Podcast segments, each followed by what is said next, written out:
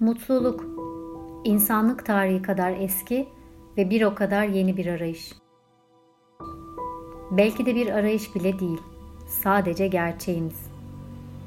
İnsanlık her çağda yine yeniden girdi bu arayışa ve her arayan da kendi içinde buldu onu.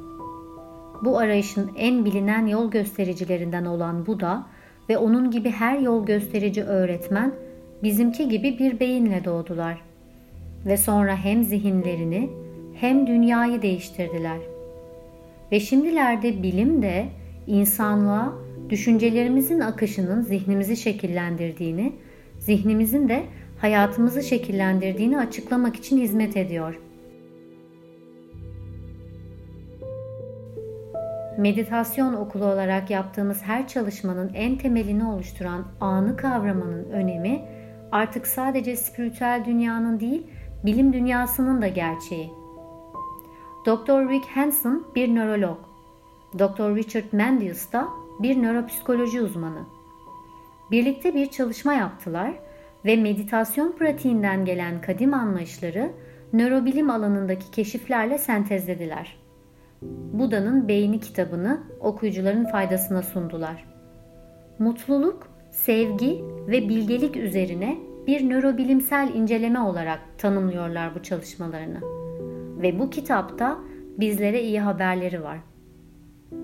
Kitap bize Buda'nın beynini anlatmıyor. Hiçbir kitap bize Buda'nın beynini sunamaz. Ama beynin kendini dönüştürebildiğinden bahsediyor ve işte bu iyi haber. Bu iyi haberlerin detaylarını birlikte okuyacağımız Mo Talks Buda'nın Beyni serimizde yolculuğa önce acı çekmemizin sebeplerine mercek tutarak başlayacağız. Ardından mutluluk, sevgi ve bilgelik kavramlarına hem bilimsel olarak kafa yoracağız hem kalp gözüyle bakacağız ve derinlemesine bir içselleştirme deneyimleyeceğiz. Beynimizi içten dışa dönüştürmek bize mutlu bir yaşamın yolunu açar.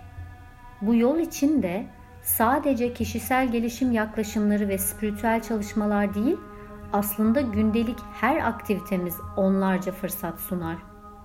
Anı kavramak bunun en temel adımıdır ve daha birçok adımı barındıran bu yolculuk bize en başlarda çok zor görünür.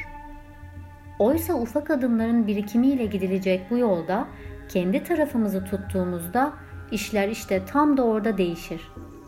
Pek çok insan kendine başkasına olduğu kadar nazik davranamaz ve kendi tarafını tutamaz. Meditasyon bize çözmek ve çözümlemek arasındaki farkı sunarken bu sayede kendi tarafımızı tutmak için ilk girişimimize hayat vermemizi de sağlar.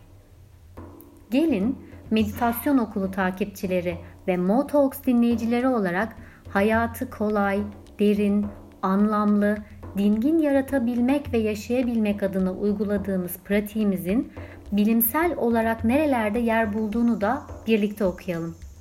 Kendi tarafımızı tutmak için bu adımları da birlikte atalım.